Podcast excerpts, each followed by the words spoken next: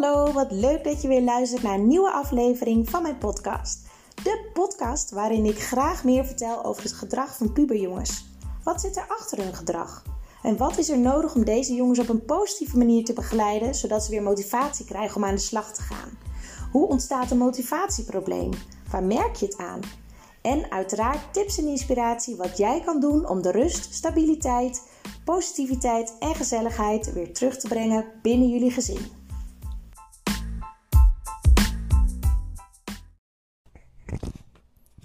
Hallo allemaal. Ja, vandaag een podcast over het kunnen doorbreken van een negatieve spiraal. Ik merk dat er uh, veel jongens zijn die vastzitten eigenlijk in een bepaalde situatie. In een situatie die uh, ongewenst is. Of door de omgeving of door hunzelf. En ik vroeg me nou eigenlijk af, hoe kan dat nou eigenlijk dat uh, een groot deel van de jongens vast blijft zitten in dit bepaalde gedrag.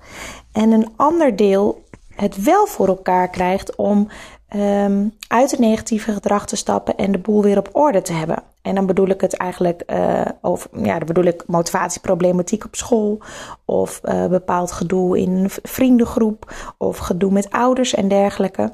Wat is nou dat verschil?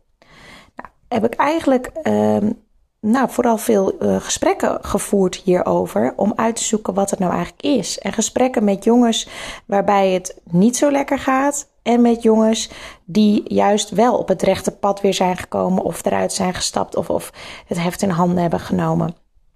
En het is goed om daarbij te beseffen dat je 90% van wat je meemaakt is hoe je op iets reageert. En 10% is wat je eigenlijk overkomt. Dus 10% is maar wat je, waar je geen invloed op hebt, wat je overkomt. En als je dan bedenkt dat 90% eigenlijk is hoe je erop reageert, hoe je ermee omgaat als er iets gebeurt of als iemand iets zegt. En je hebt dan eigenlijk twee typen jongeren, of twee typen mensen. De een zijn uh, jongeren die altijd een reden hebben waarom ze iets niet voor elkaar krijgen leg eigenlijk de schuld heel veel buiten zichzelf neer. Het ligt aan de docent. De docent heeft de pik op mij. Het ligt aan mijn ouders, die zitten veel te veel in mijn nek te hijgen. Um, het ligt eraan dat ik, uh, dat ik gewoon dit niveau niet heb. Ik kan daar helemaal niks aan doen. En weet je, allemaal excuses en smoesjes eigenlijk waarom het hun niet lukt. Waardoor ze eigenlijk zichzelf toestemming geven om in een negatieve spiraal te blijven zitten. Want ze hebben er tenslotte helemaal geen invloed op. Dat is de ene groep. De andere groep is de groep die voor resultaat gaat. Die willen kosten wat het kost, eigenlijk ervoor zorgen dat het lukt wat zij willen. En wat interessant is om toen ik uh, hierover aan het praten was, is dat ik besefte: oké, de eerste groep, dus die eigenlijk met allemaal excuses en redenen waarom iets niet lukt, zijn eigenlijk allemaal een soort van slachtoffer van hun eigen leven. Het overkomt hun. Um, ze hebben geen invloed. Ze kunnen er niks aan doen. Ze blijven hangen in dat oude patroon. Onbewust, hè, denk ik. Want ik denk dat, dat, dit, dat het niet een bewuste keuze is. Want als je hun vertelt, je hebt altijd zelf een keuze en um, je kan meer eraan doen dan je denkt, dan zullen ze daar zeker voor openstaan. De andere groep is juist de groep die beseft: ik pak de controle terug. Ik sta op en ik zeg wat ik ervan vind. Doet een leraar uh, bijvoorbeeld vervelend tegen je, heb je het gevoel dat hij de pik op je heeft. Die tweede groep jongens zal dan opstaan en zeggen: Meneer, ik wil even met u praten, want het gaat niet helemaal lekker. Ik heb het idee dat u de pik op me heeft en ik wil dat we het oplossen. Eigenlijk een soort van ja, toch wel volwassen aanpak.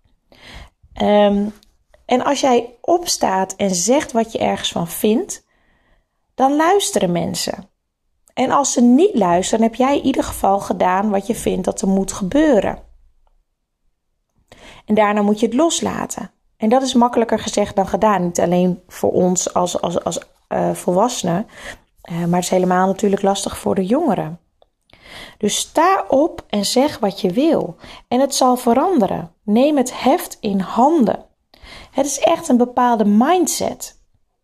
Als jij beseft dat jij de controle kan pakken, en invloed hebt op wat er wel en niet gebeurt, dan sta je anders in het leven dan dat je denkt, ja, weet je, het overkomt me allemaal. Ik, ik weet allemaal niet meer wat ik moet doen.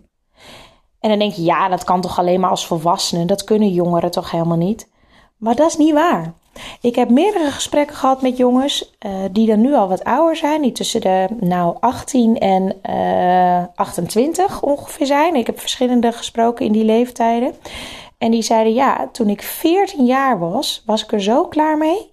Ik ben opgestaan en ik heb gezegd: Ik wil dat dit verandert. Gebeurt dat niet, dan kom ik hier niet meer. En het veranderde. Ook heb ik laatst een gesprek gehad uh, met een jongen en die zei: Ja, ik kan niet zo goed benoemen wat er is veranderd, maar er is echt iets veranderd. En toen we erover doorpraten, vertelde ja, er wordt eigenlijk niet meer tegen mij geschreeuwd. Dus soms is het nodig om uh, docenten of je ouders of vrienden te vertellen hoe iets voor jou is. Hoe je het niet meer wil. En juist hoe je het wel wil. Niet iedereen is daar namelijk bewust van dat hij op een bepaalde manier uh, met je omgaat. Of in ieder geval niet bewust van wat, wat dat met jou doet. Ook al denken wij van nou, dat weet je toch. En um, ik heb laatst een hele mooie, ja, het is eigenlijk een documentaire wat uit verschillende afleveringen bestaat uh, op Netflix. Cheer heet dat, over cheerleaders. En daar werden ze één voor één eigenlijk uh, ja, geïnterviewd wat hun achtergrond was. En het waren allemaal jongeren met hun eigen verhaal. En er zaten hele heftige verhalen tussen. Er was een, een meisje en die, uh, die moeder was bij hun weggegaan. En de vader die had een, een nieuwe vrouw ontmoet. En heeft daar een nieuw gezin mee uh, gesticht, zeg maar. En hij had eigenlijk gewoon geen ruimte meer, letterlijk, voor dit meisje en haar broer. Die kregen een trailer van die vader en daar moesten ze in gaan wonen terwijl ze gewoon nog jong waren. Bizar gewoon. En dit meisje die is uiteindelijk bij de, bij de cheerleaders gegaan en heeft echt gevochten voor een plekje. En uiteindelijk kreeg ze een hele belangrijke positie ook. Zij wil ergens voor gaan. Zij wilde laten zien, maar ik ben iemand. Ik ben het waard. Kijk wat ik kan. Kijk wat ik voor elkaar krijg. En dat was bij meerdere. Zo was er ook één jongen die werd heel regelmatig in elkaar geslagen door een oudere broer. Omdat die broer vond dat hij mannelijk moest worden. Hij moest hard worden. En hij kon niet accepteren dat zijn broertje op jongens viel. Die jongen heeft dat toen gedaan met, uh, ja, vanuit het idee dat hij daar goed aan deed. Terwijl hij nu echt wel beseft als volwassene dat dat echt niet door de beugel kan. Dus deze jongen die is ook bij de cheerleaders gegaan en, en die heeft ontzettende stappen gemaakt en, en is zichzelf heel erg tegengekomen. Maar uh, ja, laat zich nu zien en komt er ook achter, ik ben het waard en ik mag zijn zoals ik ben, ik ben oké. En ik benoem dit omdat ik merk dat de jongens waar het mee nu goed gaat, echt dat heft in handen nemen. Ook doen deze jongens vaak aan sport. Waarbij het goed gaat. De jongens waarbij het goed gaat. De jongens die meer in de negatieve blijven hangen, die hebben heel vaak nauwelijks een vrije tijdsbesteding. Geen bijbaantje. Um, ja, soms wel school, of ze doen heel weinig school, of ja, doen even helemaal niks. Um, en ze doen ook niet aan sport. Dus de vrije tijdsbesteding wordt daarmee ook lastiger. Want wat ga je dan doen? Je gaat je vervelen. Je gaat hangen met jongens op straat. En ouders hebben het dan vaak over, ja, ze hebben foute vrienden.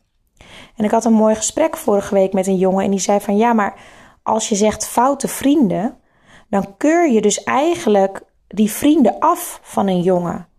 Terwijl die vrienden zijn in heel veel gevallen heel erg belangrijk voor deze jongens.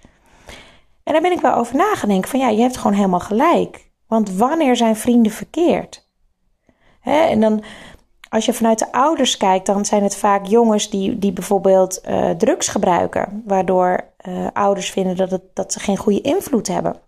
Verkeerde vrienden.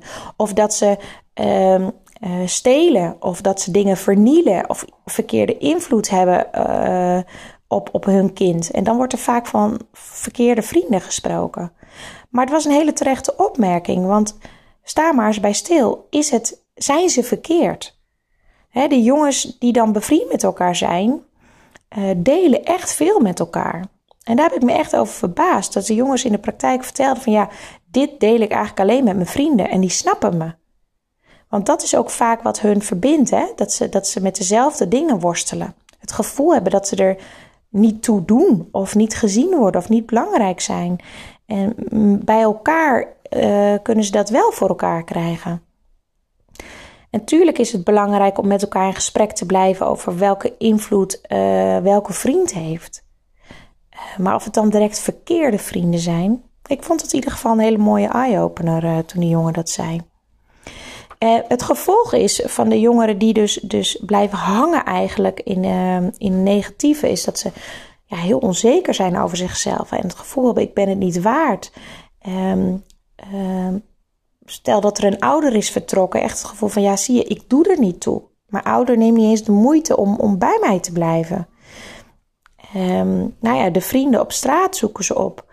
Um, veel krijgen ook bewijsdrang van, om te laten zien van ik kan echt wel wat. Hè? En dat ze echt wel gezien willen worden door, door de omgeving en door, door docenten, door andere volwassenen. Dus als je kijkt bij de jongens die, die nu uit de spiraal, uit de negatieve spiraal zijn gestapt, wat die doen. Ja, dat is eigenlijk, is het um, sport een hele belangrijke. Omdat je bij sport ben je en met ontspanning bezig. Je hebt een doel, je wil met elkaar winnen. Je bent een team als je een teamsport doet. En um, ik had laatst uh, had ik een informatieavond gaf ik bij, um, bij UNO, uh, voetbalvereniging in Hoofddorp.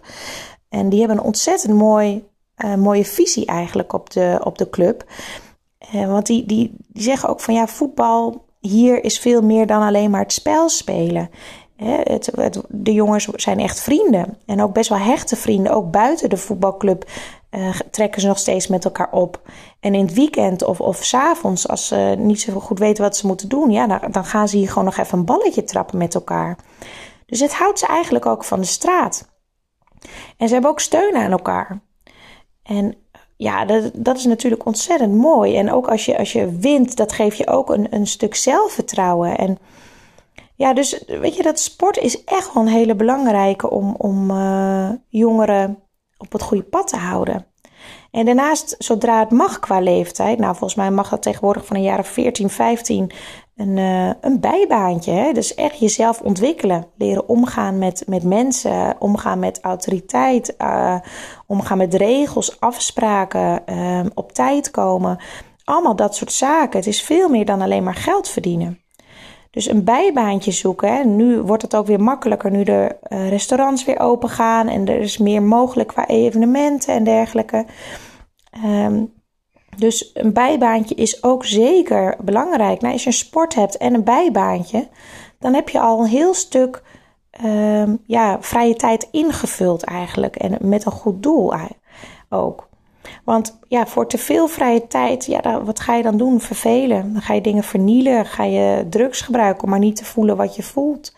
En er komt veel meer gedoe.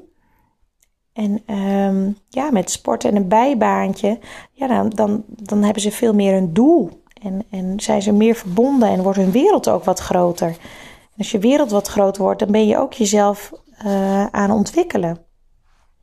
Dus het is heel belangrijk om deze uh, jongeren mee te geven: ja, wat wil jij nou eigenlijk? Waar word jij blij van? En het kan. Het kan echt, maar je moet wel in actie komen. Want waar sta jij over een jaar? Waar wil je staan over een jaar of over vijf jaar? Kies voor jezelf. Sta op, zeg wat je wil, zeg wat je niet wil. Baal je ervan hoe ze op school met je omgaan, omdat jij steeds de sjaak bent, terwijl jij je gedrag al een tijd hebt veranderd, maar zien zij het niet? Zeg het. Want dan gaan mensen daarop letten. Dan worden ze daar let op. Soms zijn het uh, uh, ja, blinde vlekken van mensen. Dus durf op te staan en te benoemen uh, waar je last van hebt en, en hoe je het graag anders wil. En als je nog niet helemaal weet wat je wil, dan is het heel belangrijk om daar met mensen over te hebben. Want als je er met mensen over hebt, doordat zij vragen stellen, moet jij ook weer nadenken. En zo kom je steeds weer verder in je eigen proces, in je denkproces, om, uh, ja, om uiteindelijk steeds duidelijker te krijgen waar jij naartoe wil en wat daarvoor nodig is. En hoe cool is het als het je lukt om stapje voor stapje dichter bij je doel te komen? Dus eigenlijk alles samen. 10% is maar wat jou overkomt als persoon en 90% is hoe je erop reageert. Dus pubers die blijven hangen in het negatieve, die reageren dus op een manier die niet efficiënt is. Die hebben dus begeleiding nodig als ze het zelf niet voor elkaar kunnen krijgen, om op een andere manier naar de situatie te kijken. Zelf weer de controle te pakken. Zelf te beslissen: ik wil dit anders. Ik weet nog niet hoe, maar ik wil het anders. En dat is eigenlijk het verschil tussen de jongeren die erin blijven hangen en de jongeren die uiteindelijk de knop om kunnen zetten en aan de slag gaan met school, bijbaantje, studie enzovoort. Ik hoop dat jullie hier wat aan hebben gehad. Ik vind het altijd super leuk om uh, dat te horen, uh, wat je eruit hebt gehaald. En um, nou, laat het me weten. Ik wens jullie een fijne dag. Doei doei.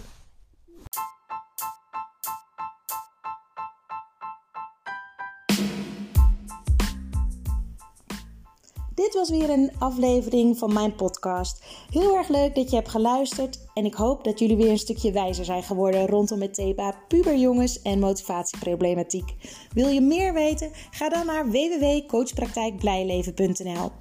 Ik ben altijd heel erg benieuwd wat jullie van deze podcast vonden, eh, zodat ik ook weet of ik op de goede weg ben en wat jullie vooral interessant vinden en wat jullie eruit halen. Wil je mij dat laten weten? Dan vind ik dat hartstikke leuk. Dat kan via Facebook, via Instagram of via LinkedIn. Alvast bedankt en een fijne dag.